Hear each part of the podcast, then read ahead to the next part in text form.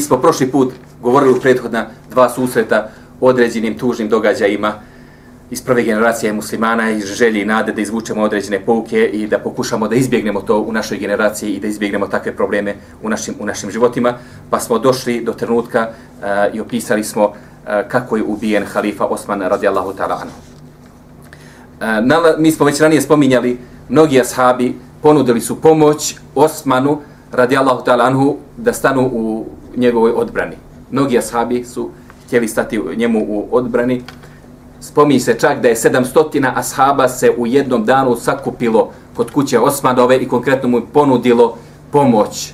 700 ashaba naoružani došla da brani život, došla da brani čas i došla da brani vlast Osmana radijallahu ta'ala anhu, pa je on e, savjetovo i rekao i naredio ukoliko je priznajete za halifu, nećete učestvovati ni u kakvim borbama ovo, ovog tipa i morat ćete se svi vratiti svojim kućama, pa su ga poslije toga e, poslušali. Međutim, dio ashaba, dio ashaba zadržao se kod njegovih vrata kao naj, najuže obezbjeđenje, E, da ipak budu tu uz Osmana ukoliko radi Allahu ta'ala anhum ukoliko se nešto desi pa se spominje da je među njima bio Ali ibn Abi Talib Zubair ibn Awam Abdullah ibn Zubair al-Mughir ibn Shuba Kjab ibn Malik Abdullah ibn Umar i neka od njihovih djece radi Allahu ta'ala anhum ejma'in kada je Alija došao i vidio Osmana radi Allahu ta'ala anhuma mrtvog s obzirom da je kod vrata Osmanove kuće ostavio dvojicu svojih sinova Hasana i Huseina radi Allahu ta'ala anhuma I kad se je vratio i zategao halifu mrtvog, spominje se da je tada ošamario Hasana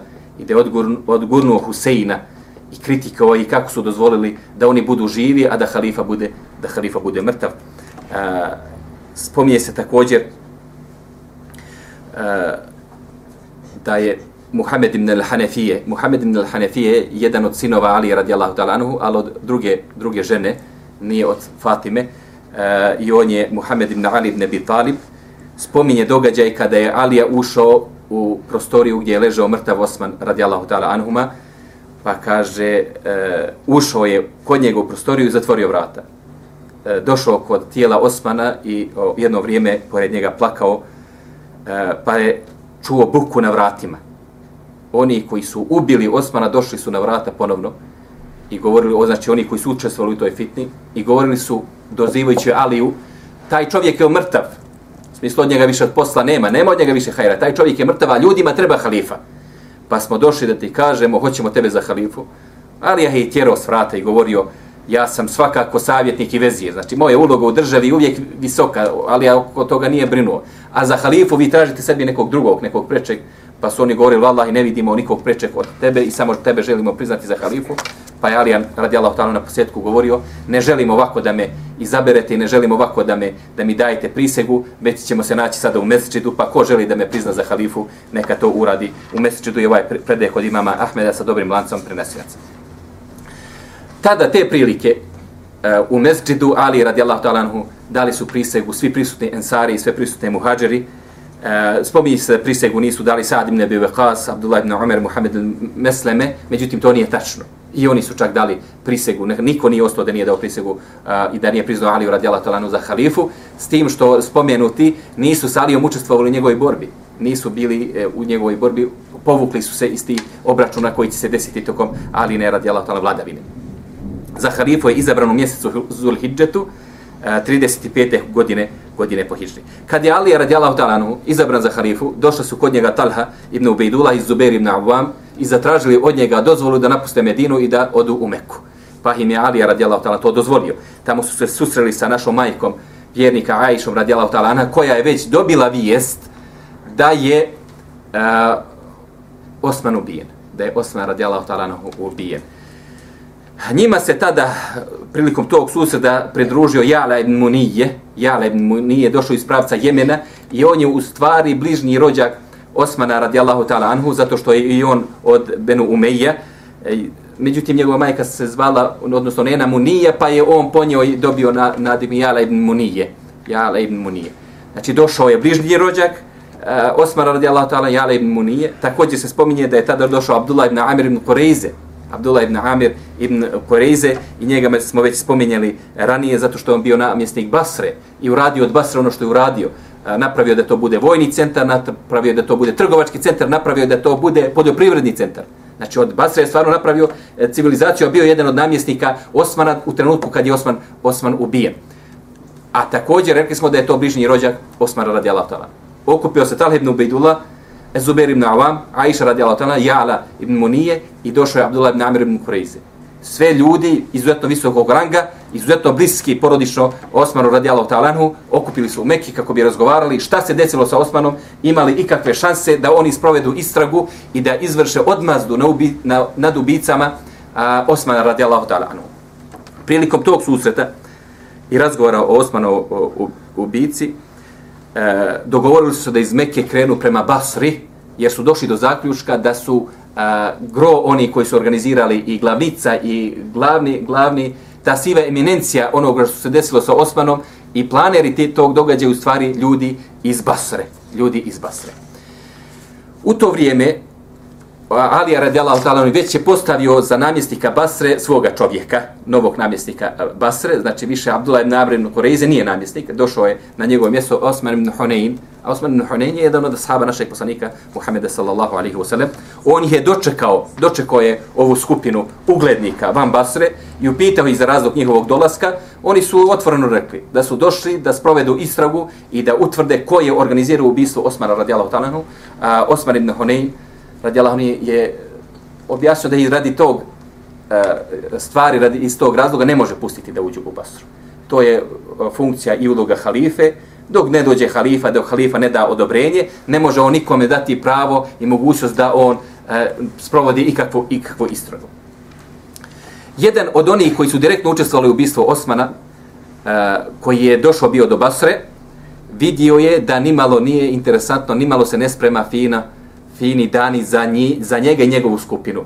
Tako da je organizirao 700 svojih pristalica i dok su uh, skupina uh, ovih ljudi, ove delegacije, bila van, van Basre čekajući da vide šta će Alija odlučiti, napali su tu, tu skupinu ljudi. Napali su tu skupinu ljudi sa 700 boraca. To je bio razlog da se veliki, do, dosta veliki broj stanovnika Basre priključi uh, Eh, e, Talib ibn Ubidullahu, Zuberu ibn Awamu, Aiši radijallahu ta'ala anha, kako bi stali njima u odbrani. Jer došli su ashabi, veliki ashabi, došla je naša majka, a ovi 700 ljudi koji su nasilnici, koji su učestvovali fitnađije, koji su učestvovali u ubistvu Osmana radijallahu ta'ala anhu, došli su sad da, da napadnu i, i njih. Pa je došlo do bitke i u toj bitci e, ubijeno je većina ovih ljudi od 700. Većina ovih ljudi od 700 je ubijeno u toj, u toj bitci kada je Alija radijallahu ta'ala čuo da je došlo do bitke između muslimana na domak Basre, na jednoj strani da su bili jedni, na drugoj strani da su, da su bili drugi, spremio je vojsku od 10.000 boraca i krenuo prema Basri. I krenuo prema Basri. E, ova historijska činjenica i ovi događaji i ovaj slijed jasno nam kazuju da Aisha, Talha, Zubair, Abdullah, Jala i oni koji su bili sa njima nisu imali namjeru da napadaju Aliju da su htjeli da se suprostave Ali radijallahu talanu i njegovoj vladavini, ne bi išli prema Basri, nego bi krenuli prema Medini. Zato što je Ali radijallahu talanu bio u Medini. Znači, zašto su oni uh, tvrdnja da su kre, uh, htjeli da učestvuju u borbi protiv Ali i da ga smaknu s vlasti je neosnovana, jer opšte oni nisu htjeli sa Alijom radijallahu talanu da se sretnu na posljedku. Alija radijallahu talanu je taj koji je opremio vojsku protiv ovih ljudi. Alija radijallahu ta'ala je taj koji je opremio vojsku protiv Ajše, Talhe, Zubeira i ostali koji su bili u njihovoj, u njihovoj skupine. Ahmed ibn Qais kaže da je susreo Talhu i Zubeira tokom događaja sa Osmanom, kada se je Osman ubijen i upitao ga šta mi naređujete, šta mi savjetujete, jer ja vidim da je on ubijen, da je on likvidiran, znači neosnovano ubijen. Pa su mu tada rekli, obrati se Ali. Znači Talha i Zubeir, ljudima koji su došli kod njih da se savjetuju šta da rade, šta, šta predlažu, šta... Znači oni uopšte nisu vrbovali, uopšte nisu povećavali broj svojih istomišljenika. Njima je bio samo cilj da se stvar riješi, a ljude koji su od njih tražili savjet slali su prema Ali radijallahu ta'ala. Također se spominje da je Ahmed ibn Qais, isti ovaj čovjek, došao u susret sa Ajšom tokom njegovog boravka u Mekki i upitao je isto. Znači ja vidim da je Osman likvidiran, likvidiran, izvršen atentat na njega bez ikakve osnove. Pa šta mi savjetuješ? Pa mu je ona rekla, obrati se Ali. isti odgovor koji su dali Talha i Zubair radijallahu ta'ala anhum. Ali je radijallahu ta'ala anhum poslao Al-Miqdada ibn Eseda ili Ka'ka ibn Amra da pregovaraju sa Talhom i sa Zubairom i tokom tih pregovora uh, ovi su insistirali da se mora sprovesti uh, istraga nad ubicama Osmana radijallahu ta'ala anhum koji se nalaze u Basri, dok je Alija radijallahu ta'ala e, insistirao da stvar mora da se slegne, da mora vlast onda preuzme u potpunosti, da moraju najprije ljudi da ga priznaju za halifu, kada objedini ponovno islamski umet, onda će on sprovesti, sprovesti istragu. Pojenta je bila i zaključak, istraga se sprovesti mora. Obje strane su to tvrdile. Vrijeme kada će se sprovesti istraga, istraga to je bilo razilaženje dok je stra, ova strana uh, koju je zagovarao Talha i Zubair i Aisha radijalahu ta'ala anhum, bila da se to sprovede odma, ali je radijalahu ta'ala je bio mišljen da to treba samo malo da se odloži dok se malo stvar ne, ne, ne slegne. Vidjeći da su oni u stvari istog stajališta i pregovarači su se dogovorili da pregovore odgode za sutra.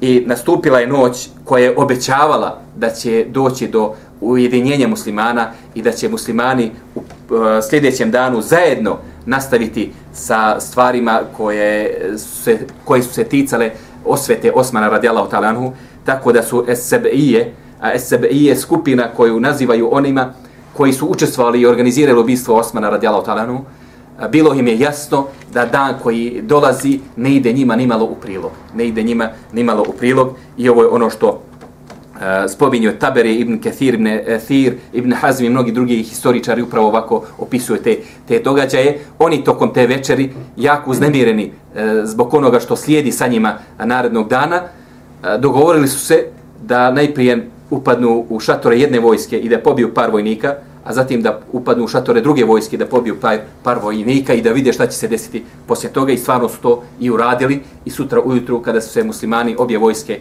probudili i kada su se e, napravili uviđaj vidjeli su da ima mrtvih na obje, obje strane. I svaka strana je optuživala drugu da je tokom večeri e, napravila napad i da je tokom večeri napravila diverziju. Velikani iz obje skupine pokušavali su da smire situaciju i da prekine, prekinu sukob. Spominje se da je Talha uzvikivao svima da se smire, međutim nisu ga slušali, pa je poslije toga korio samog sebe. Zašto je dozvolio da dođe u takvoj situaciji da ljude upozorava na nešto i da usmjerava na nešto da ti ljudi nisu mogućnosti da ga čuju, a kamoli da ga, da ga poslušaju. Ali je radijalahu talanu također zabranjivo borbu, ali ga nisu slušali. Aisha radijalahu ta'ala anha poslala je Kaaba ibn Theura sa mushafom E, sa istaknutim mushafom na, na koplju, da stane između vojski kako bi prisjetili da je e, islam zajedničko za sve njih, da je Kur'an zajedničko svima njima i da ne bi trebalo doći, doći do borbe. Međutim, sebe i je, kad su ga vidjeli sa istorenim mushafom, gađali su ga srlicama sve dok ga nisu ubili. Znači, oni su bili prisutni tu, između obje, obje vojske i uporno Eh, insistiraju da do borbe dođu. I uklanjaju sve one prepreke koje bi dovele do toga da do, od borbe se odustane. Znači imamo dvi, ovdje faktički tri skupine. Skupina koja je na strani Alije, radi Allah ta'ala, skupina koja je na strani e, Talhe Zuberi i Ajše, radi Allah ta'ala, i ima skupina koja je među njima pokušava pokušava da e, os, ospori njihove pregovore i njihovo jedinstvo. Šehul Islamin Temi, Rahimullah, rekao je kada se dogodi smutnja, tada razumni postanu bespomoćni u tome da spriječe malo umnike kada se smutnja dogodi, razumni više ne mogu ništa da urade. Vidimo primjer.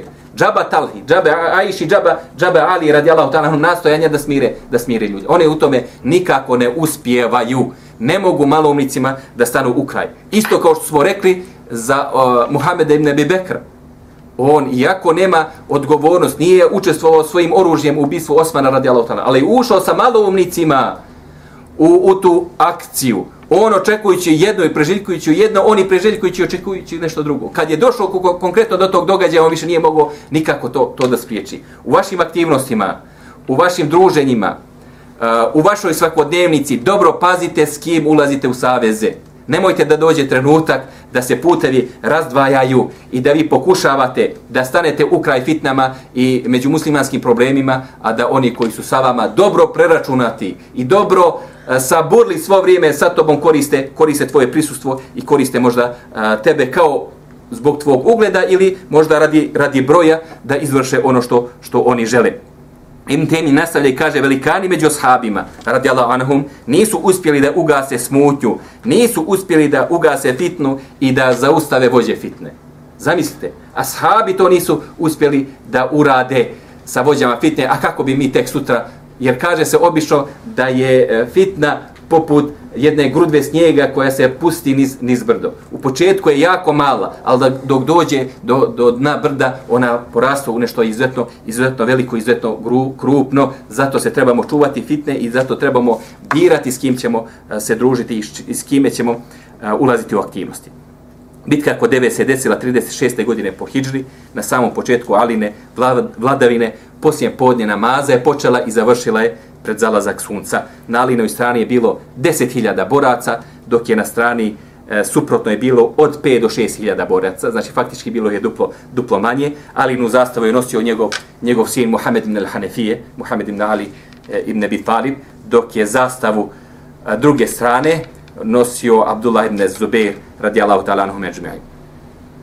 Kaže se da je na tom danu ubijen veliki broj muslimana i mi se sada samo Allahu subhanahu wa ta'ala možemo zahvaljivati što nismo bili u tom trenutku na tom mjestu da okrvavimo naše sablje muslimanskom krvlju, ali ako nas je Allah sačuvao tog trenutka i tog vremena, mi se danas moramo sačuvati u ovom trenutku, u ovom vremenu, da sačuvamo naše jezike od tih događaja, da sačuvamo naše jezike od tih ljudi. Zamislite, Allah ne se sačuva tog vremena i mi danas sjednemo i kažemo, ma Alija je pogriješio.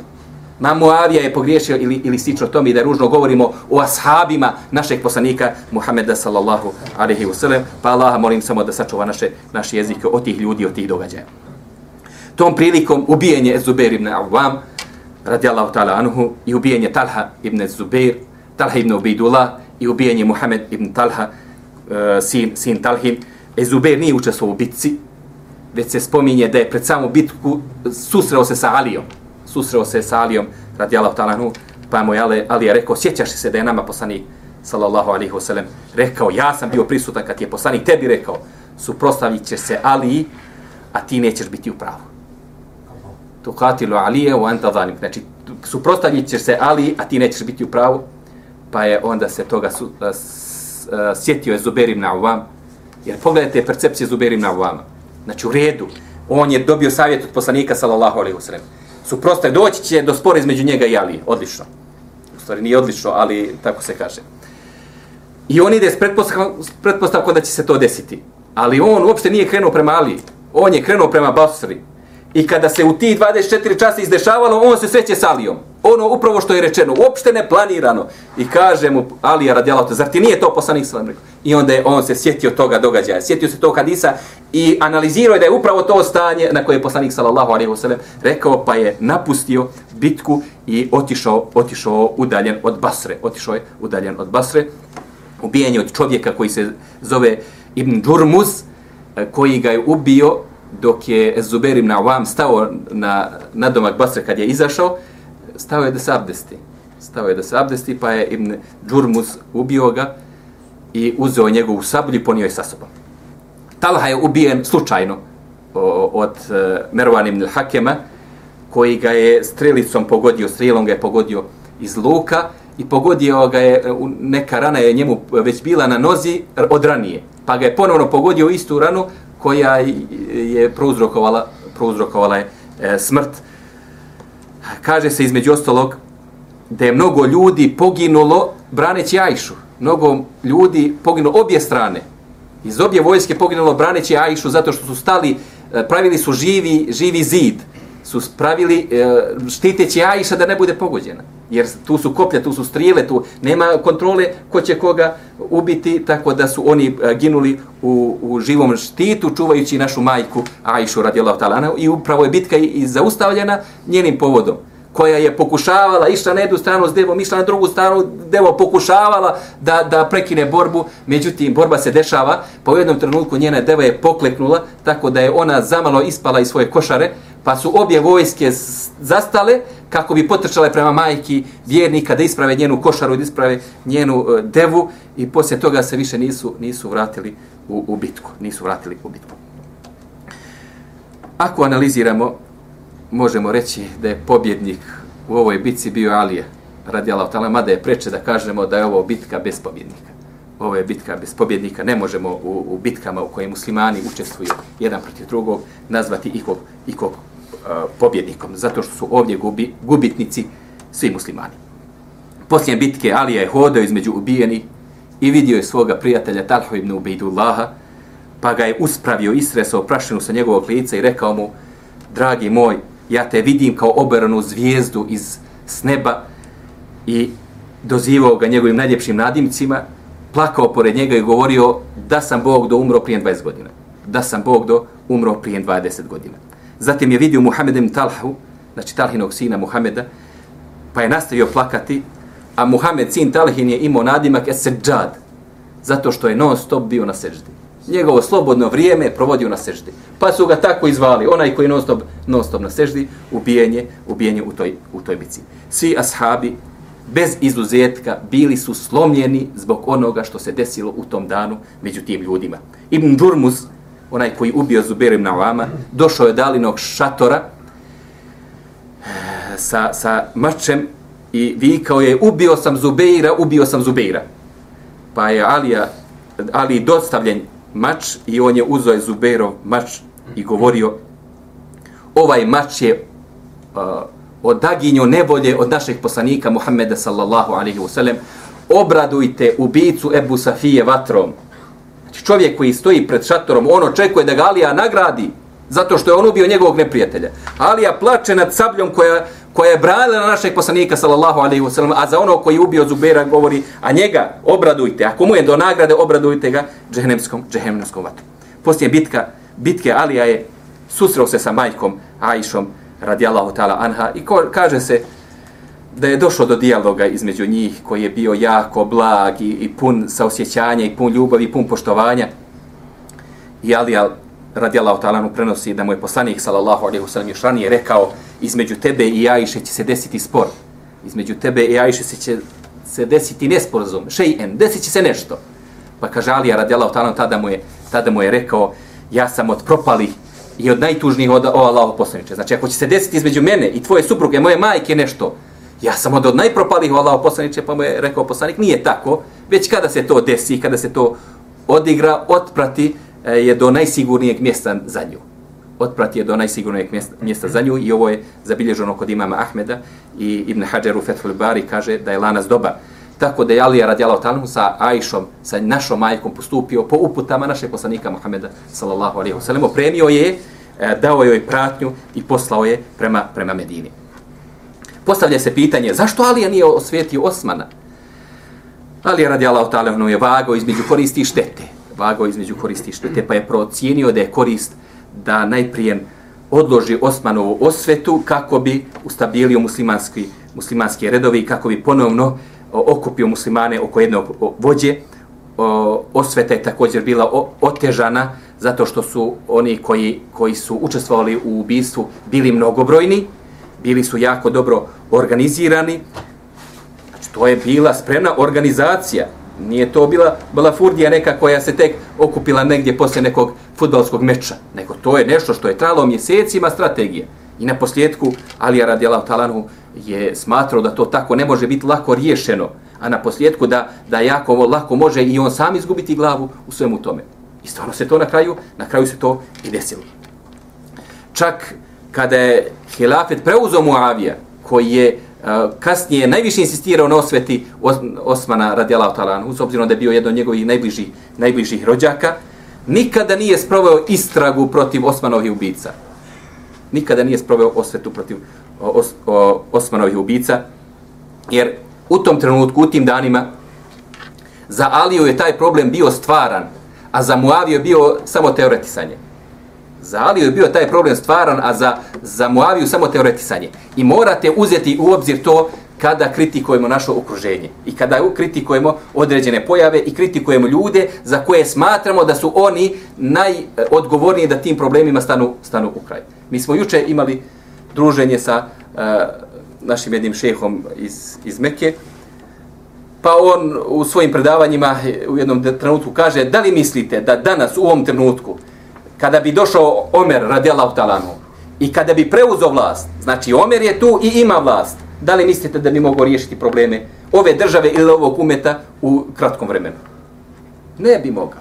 Ne bi mogao u kratkom vremenu to riješiti. Omer, sa svojom pronisljivošću, svojim znanjem, svojom hrabrošću, ne možeš mu prigovoriti ni sa kakve strane. I ima vlast i ne bi mogao riješiti probleme tek tako. Tako i mi. Znači moramo biti pravedni i jedno je teoretisati. Ovo bi trebalo ovako. Super, to bi trebalo tako, ali dok se dođe do toga treba vremena i vremena. Važno je da ljudi uvide, uvide problem i važno je da ljudi žele taj problem da riješe, a ne možemo stvari rješavati preko, preko koljena. A, osvetu nad Osmanovim ubicama desit će se i sprovešće tek Abdulmelik ibn Merovan, Abdulmelik ibn Merovan i to pokasno tokom emevijske vladavine i Alija nije e, izbjegavao osvetiti Osmana zbog svog zbog svoje nesposobnosti već zbog straha za muslimansku zajednicu i zbog straha za umet i zbog straha da ne dođe do još većeg krvoprolića. Muavija radijala u Talanhu suzdržao se od davanje prisege Ali. Znači, stanovnici Šama i namjesnik Muavija nikada nisu priznali Aliju za, za vladara i kad, kada god bi Alija insistirao da mu daju prisegu, oni su uvijek se vraćali s istim govorom, isporuči ubice, isprovedi na krajeva ti osvetu Osmana, odmah te priznemo za halifu. Znači što se tiče tvoj, tvoje kompetentnosti i, do, i toga da zaslužuješ, sto postotno zaslužuješ, mi ćemo te priznati. Međutim, tek kad e, osvetiš Osmana radi Allahu talanuhu, Alija više nije htio da sabura, već je odlučio da okupi vojsku i da Muaviju i Šavljane natjera silom da ga priznaju za, za halifu. Okupio je Alija 100.000 boraca iz pravca Iraka, kada je Muavija čuo za ovu nedaću i kada je Muavija čuo za ovu nadolazeću vojsku, popeo se na mimber, alikum salam, popeo se na mimber i obratio se stanovnicima nam, Damaska tražeći njihovo mišljenje, pa su prisutni pognuli glave. Znači, svi prisutni su čutali. Znači, Mežid Benu Umeje u, u Damasku, prepun šamljana, Muavija drži hutbu i gaže, ali je krenuo da nas zorom natjera da ga priznamo za halifu prije nego što on isporuči uh, uh, ubice Osmanove. Pa šta me savjetujete? Šta je vaše mišljenje? Kaže, svi su držali pognut, pognuti glavu, kaže, njihove glave su bile na njihovim grudima. Znači, u potpunosti pognute, pa je uh, ustao čovjek uh, Dhul Kela'i, imenom Dhul Kela'i, i obratio se i rekao, na tebi je da odlučiš, a na nama je da uradimo. Znači, kako god ti odlučiš, mi ćemo tako i uraditi dok su ostali drži, držali pognute glave. U taj vakat, u, istom, u istim danima, Alija radijallahu ta'ala anhu popeo se na mimberu u Kufi, pa je zahvalio Allahu subhanahu wa ta'ala i veličao ga onako kako Allahu to dolikuje. Zatim se obratio prisutnima i rekao, Muavio uporno odbija moju vlast, pa šta je vaše mišljenje? Šta vi mislite o svemu tome? Pa je tada u tom trenutku javilo se puno govornika puno govornika, više ljudi u isto vrijeme, vrijeme je ustalo i svi su govorili. Niko nikog ne slušao, svi imaju nešto, nešto, nešto da kaže, pa je Alija radela tamo sišao sa mimbere govoreći inne lillahi wa inne ilahi rađio. A ovo je doba koje se uči kad čovjeka potrefi musibet. Kad čovjeka potrefi musibet. I to je stanje šamljana, a ovo je stanje iračana. Stanje šamljana i stanje, stanje iračana. Eto, nažalost, u ovim trenucima i ovim danima u obje ove države je krvoproliće muslima, muslimansko. Spominje se čak da je Alija radijalahu ta'ala govorio bio bi spreman da zamijenim svoji deset boraca za jednog muavinog.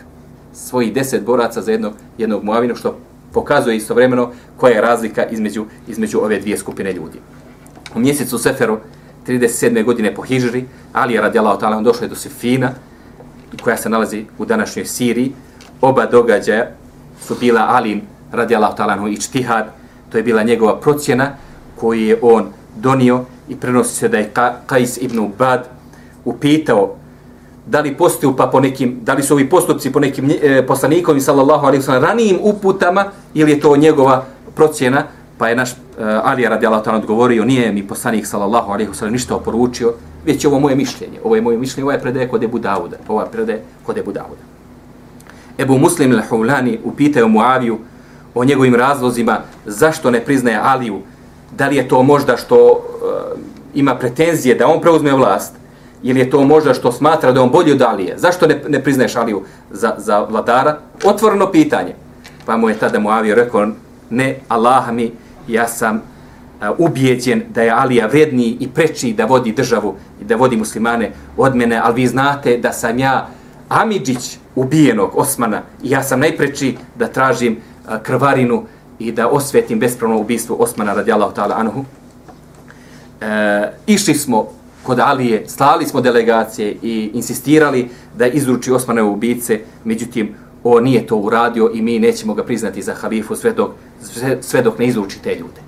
Znači ovdje je jasno da Muavija radijalahu ta'ala nije smatrao sebe boljim od Alije i da je smatrao da Alija zaslužuje da bude, da bude vladar. Kasnije, upravo ono kod bitke o Sifinu, kada govorimo o njoj, doći će do jednog sporazuma između Ali i Muavije, pa će tom prilikom na početku tog sporazuma stajati uh, sporazum između vođe vjernika Ali ibn Abi Taliba i Muavije ibn Abi Sufjana, pa je Muavija tada insistirao uh, mora se izbrisati vođe vjernika.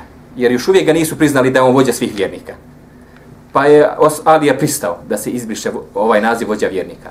Ali je Muavi istovremeno insistirao da prvo u ugovoru stoji is, ime Alije, pa tek onda njegovo ime jer je govorio on je bolji, preči i vrijednije od mene, da bude tako da njegovo ime treba eh, biti prije, prije moga imena. Ne, još uvijek ga ne priznaje za, za emirul mu'minina, tako da insistira da se ta titula izbriše, ali ga priznaje da je on bolji od njega, tako da insistira da ta njegova, njegovo ime bude ispred, ispred Muavino.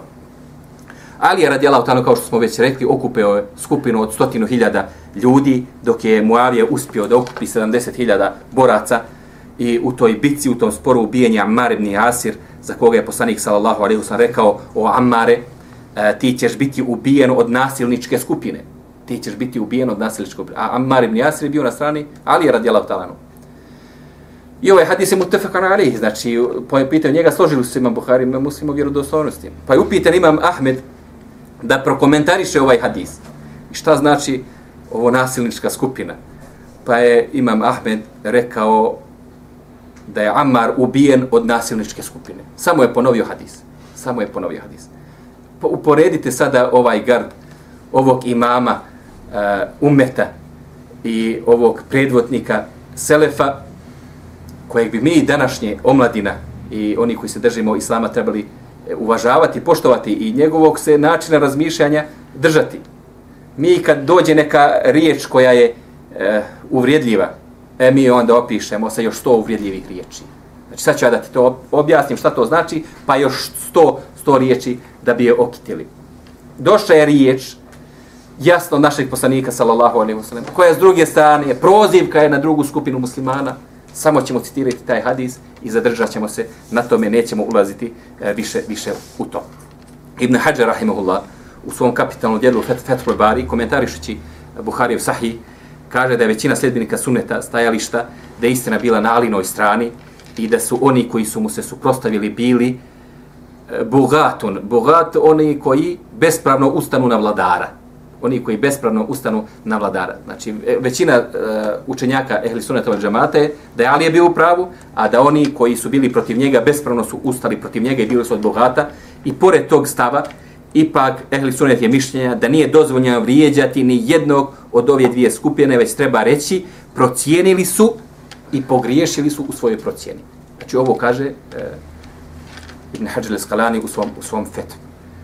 Muavijana strana, pogriješili su, procijenili su i pogriješili su u svojoj procjeni. I na tome ćemo, i na tome ćemo stati. E, zaključak je da je naša obaveza smatrati da Talha i Zuberi, Ajša, radijallahu ta'ala anha, Jali radijallahu ta'ala anhu, nisu išli u borbu zbog, zbog svoje e, želje da krvoprolića i želje za fitnom, nego jednostavno to je bila njihova, njihov ičtihad, e, pogotovo u slučaju bitke na, e, kod Deve, bitka na Deve, kod Deve uopšte nije planirana da dođe do sukoba između ove dvije skupine muslimana, jednostavno bilo e, plan da se e, izvrši istraga nad ubicama Osmana radijallahu ta'ala E, Alija, kao što smo već rekli, htio je da okupi sve muslimane pod jednom zastavom i htio je da okupi sve muslimane pod jednom vlašću, e, pa je e, tek onda da sprovede istragu, ali njegovo odlaganje dovelo je do toga da skupina muslimana ga optuže da je možda i on jedan od onih koji su učestvovali u ubistvo Osmana radijallahu ta'ala. Ubistvo Osmana se je desilo tokom dana hađa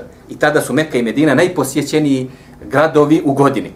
I ubistvo se je desilo stanovnici Medine koji su u tom trenutku bili u Medini, vratili su se svojim plemenima i prenosili bi događaj kada bi pitali, a gdje su ubice o, Osmanove, oni bi govorili, kriju se iz Alije. Alija je uzeo u svoju gardu.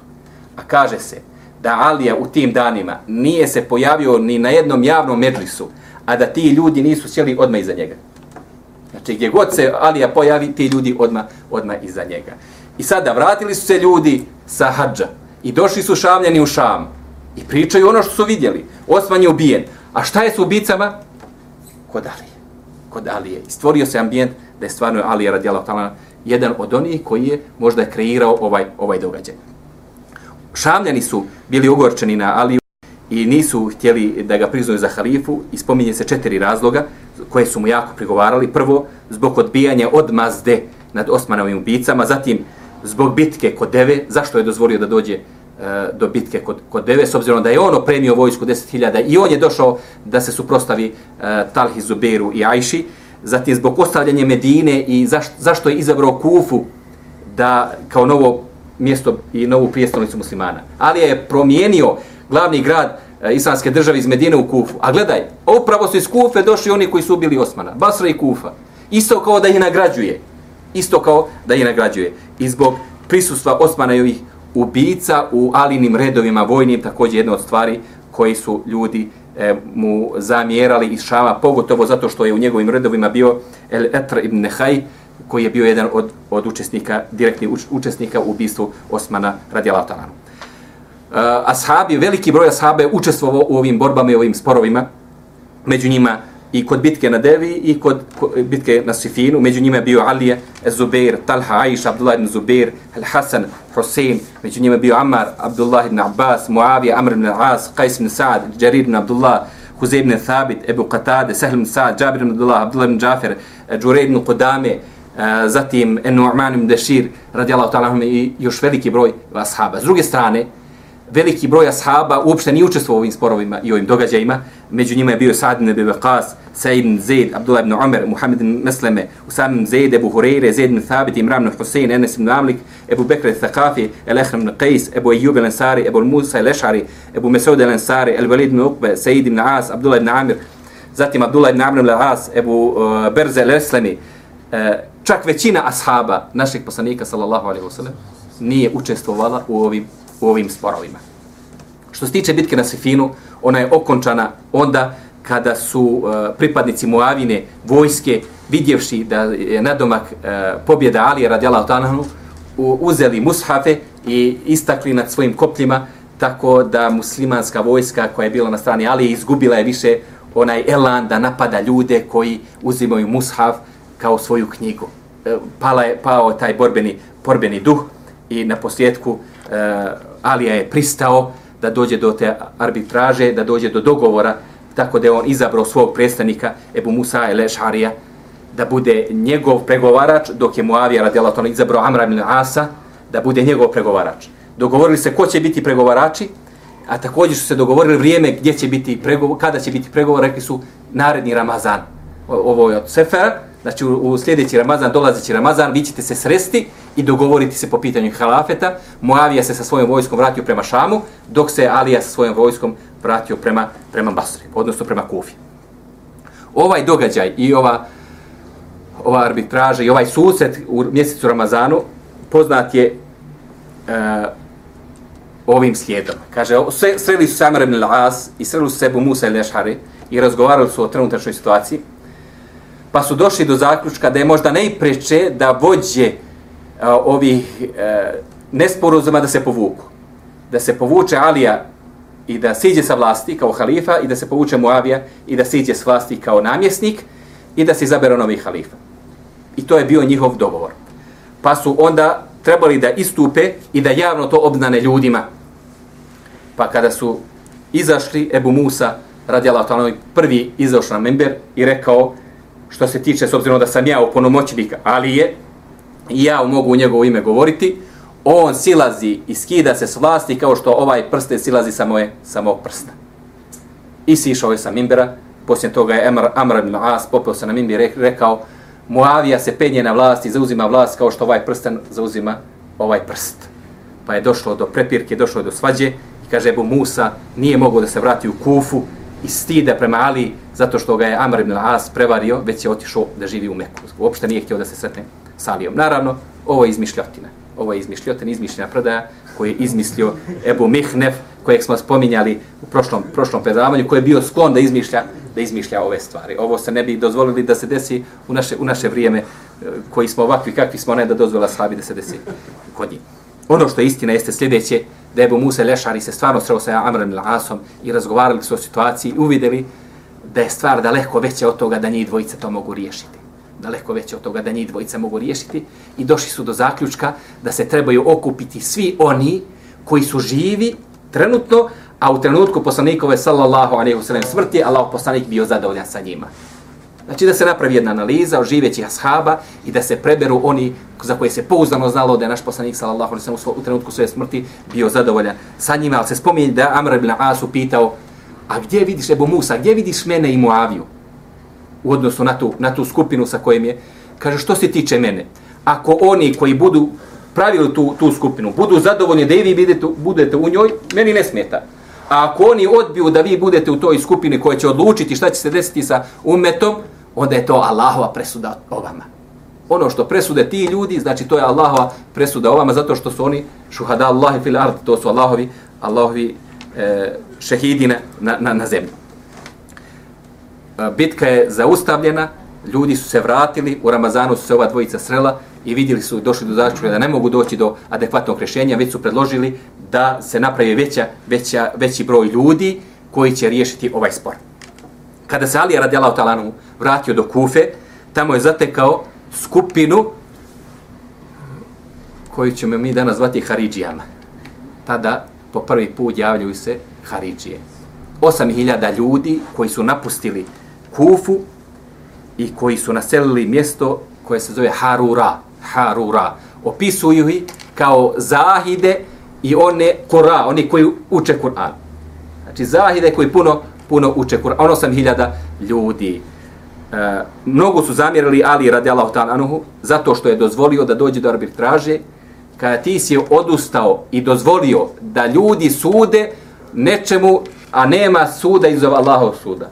La hukme illa lillah. To, to su rečenica i mi smo da se naslušali ovih, ovih dana. Natali Ali radi Allahu ta'ala kazao poznatu rečenicu, kaže istinita rečenica sa kojim se želi neistina. Istinita rečenica sa kojim se želi neistina. Kelimetul haqqun uridu biha batilun.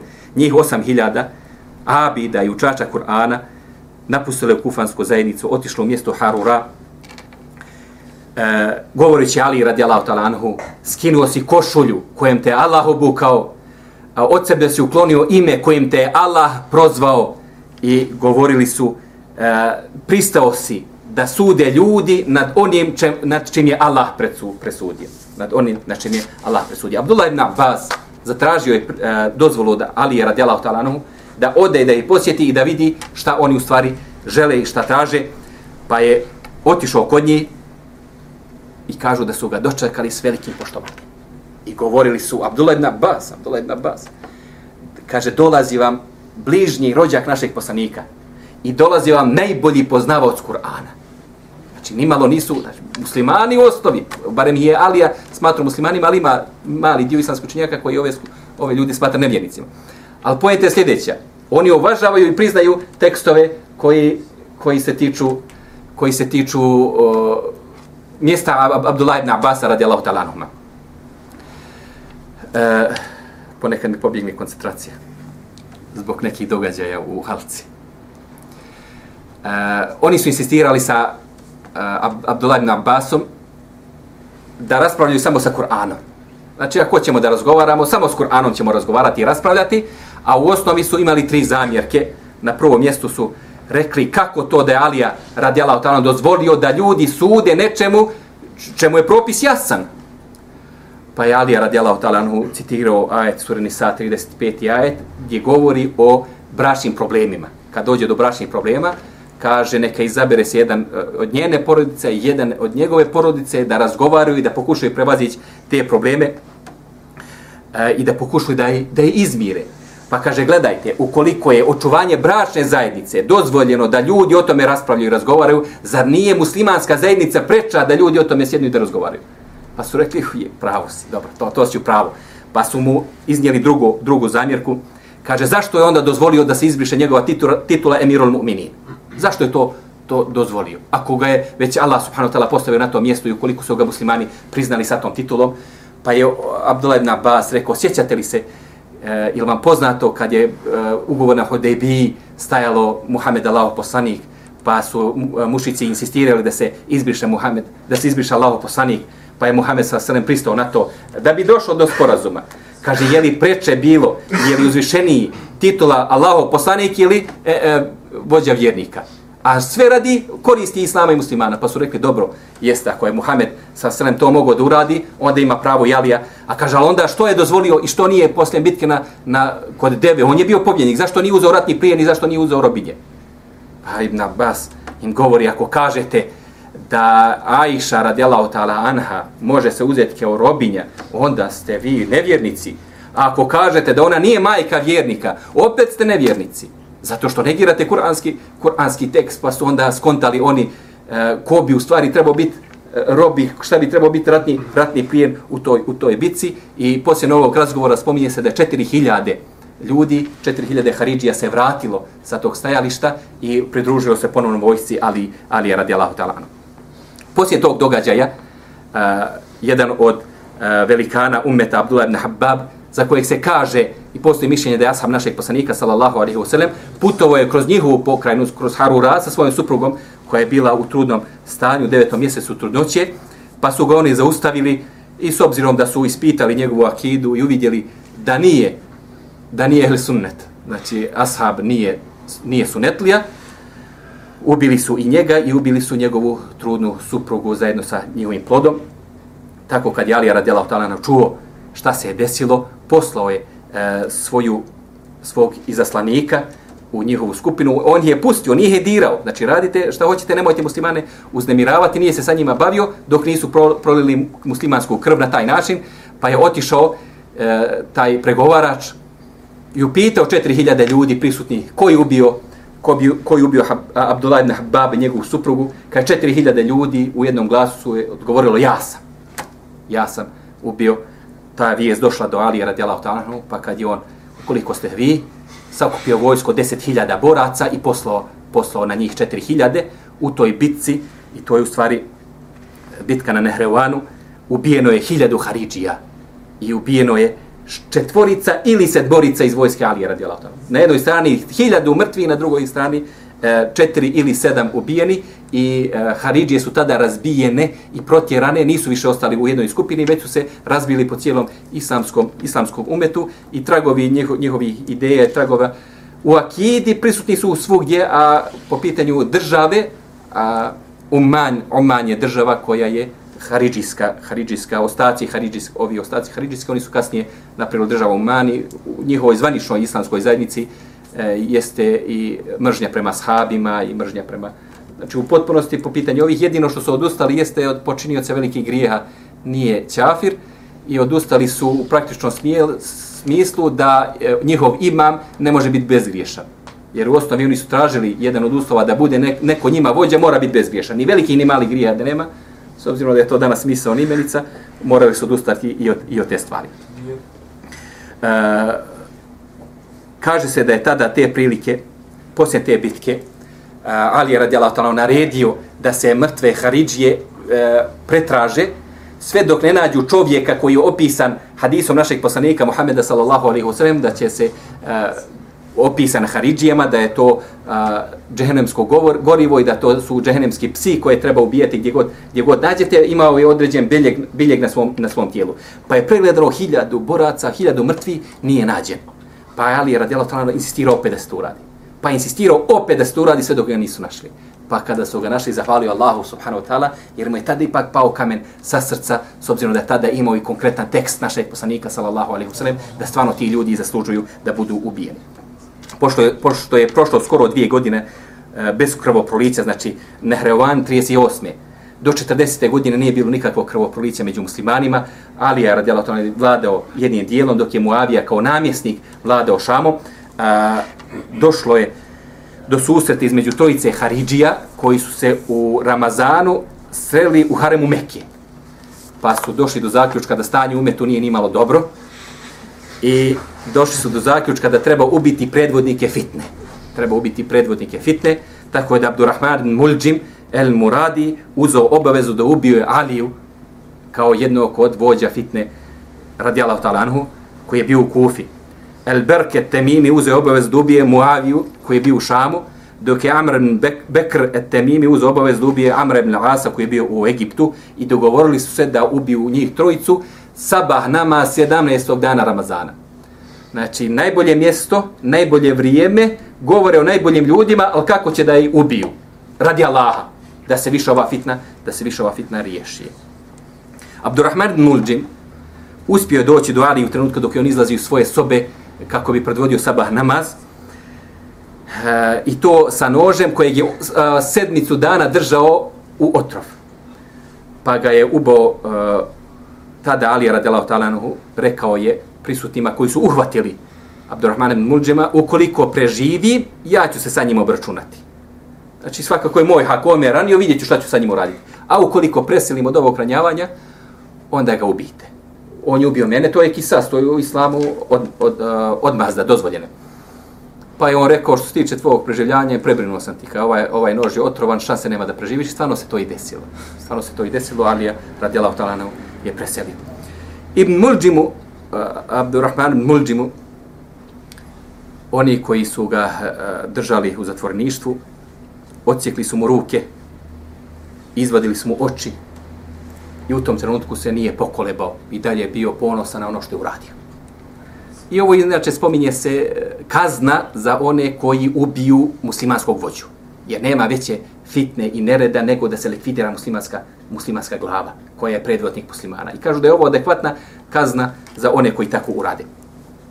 Pa kad su došli i uhvatili mu jezik da mu odsjeku, kao da je primijećeno kod njega da se koleba, kao da je primijećeno da, kod njega da se, da se kaje, pa su mu rekli, sad si našao da se kaješ, a dok si ubijao halifu, nisi se kajao, ka valla i nije za to, ne, ne, ne kajem se što sam ubio, nego mi žao, odsećite mi jezik, a živjet ću još neko vrijeme, neću moći Allaha subhanahu wa ta'ala veličati.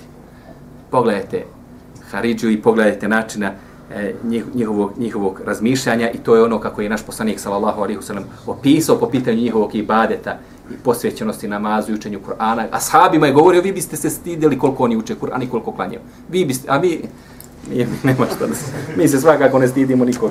Nama je malo to drugačije.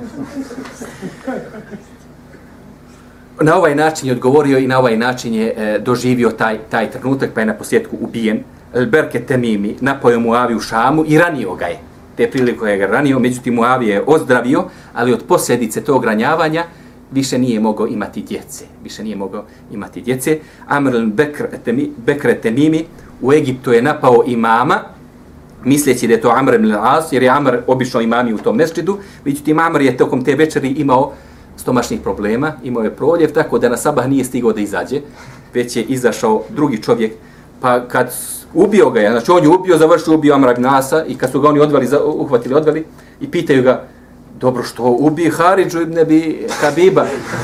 Bez onima kog je ubi. Ka ja sam ciljao Amr ibn Asa. Allah je odredio uh, Haridži, pa znači nije do mene. Ja sam, ja, što se tiče mene, ja sam umro, ubio Amr ibn, ibn Asa. Poslije ovoga, sva trojica, sva trojica uh, Haridžija ubijeno, likvidirane su i na ovaj način je život okončao Ali radi Allah i ovih pet godina ovako uh, izgledala vlast Ali radi Allah ovim problemima E, i ovim međumuslimanskim sukobima i, i sa ovim ćemo i završiti e, današnje predavanje, a e, inšala ta'ala sljedeći put ćemo nastaviti oni tužni događaji koji su nastali posljen, posljen o, ovoga, ali u osnovi ovo, ovi, ovi trenuci ubistvo Osmana, to je početak svih musibeta u umetu. To je trenutak, kao što kaže naš šeh, kod kojeg smo juče bili na seminaru, govori E, početak munafika, početak munafika, tačno se zna datum kad su munafici nastali u umetu. E, bitka na Bedru. Sve dok nije došlo do bitke na Bedru, muslimani su bili neorganizovani vojno. Tako da niko nije imao potrebe muslimanima da se pretvara da je musliman. Niko. Iz svoje kufrove su normalno iskazivali. Ali poslije bitke na Bedru muslimani su prvi put postali vojna sila. I od tog trenutka munafici su se pojavili. Od tog trenutka. S druge strane, problemi u umetu su se pojavili od onog dana kada je ubijen Osman radijallahu ta'ala anhu, a molim Allaha da nas sačuva. A, mi umet ne možemo sačuvati u globalnom smislu, ali možemo sačuvati inšalatala naš, nas i naše, naše porodice, a to je ono što se od nas i traži. Molim Allah subhanahu wa da ove riječi budu dokaz za nas nikako protiv nas na sunjem danu, ali da nagradi organizatore koji su me pozvali i omogućili da se vam se obratim i vama koji ste odsaborali do kraja. Subhanika Allahumma wa bihamdika, la ilaha illa anta, astaghfiruka wa atubu